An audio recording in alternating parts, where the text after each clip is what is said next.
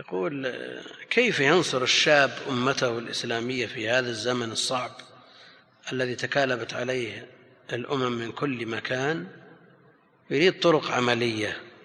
الواحد قد لا يستطيع أن ينوء بالحمل بل لا بد من تضافر الجهود.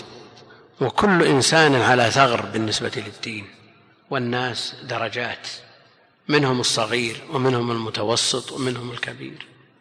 الشاب قد يعرف ويسمع من الأمور ما لا يسمعه الكبير. والكبير يستطيع في بالنسبة للتأثير ما لا يستطيعه الصغير. فالصغير عليه أن يبلغ من هو أكبر منه. قد يكون عموم طلاب العلم لا يستطيعون الوصول ولا, ولا إلى كبار أهل العلم فضلا عن المسؤولين. نقول بلغ الطبقة المتوسطة بينك وبين الكبار ليبلغوا الكبار. لأن الكبار حملوا بأعمال وتحملوا أمورا وعظائم قد لا تمكنهم من استقبال جميع الناس. قد يستقبلون من دونهم لكن لا يستقبلون عموم الناس.